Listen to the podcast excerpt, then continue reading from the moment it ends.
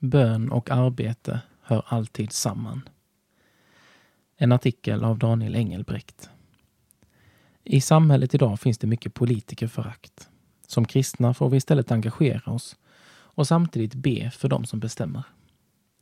I Timoteusbrevet 2 skriver Paulus Först av allt uppmanar jag till bön, åkallan, förbön och tacksägelse för alla människor, för kungar och alla i ledande ställning, så att vi kan leva ett lugnt och stilla liv, på alla sätt gudfruktigt och värdigt.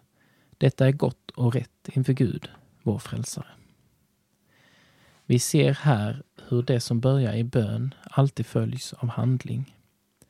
Jakobs brev gör det tydligt i kapitel 2.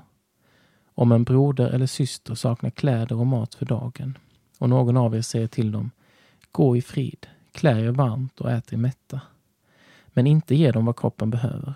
Vad hjälper det? Så är också tron i sig själv död när den är utan gärningar.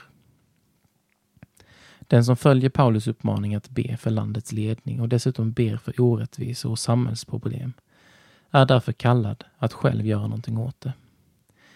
Vi ber för helande och uppmuntrar unga att bli sjukvårdspersonal. Vi ber för arbetstillfällen och uppmuntrar varandra till företagande. Det är lika självklart för oss kristna att låta vår bön följas av politiskt engagemang. Politikerförakt passar inte en kristen. En av demokratins största fiender är politikerförakt. Ogrundat tyckande har hög status i samtal och på sociala medier.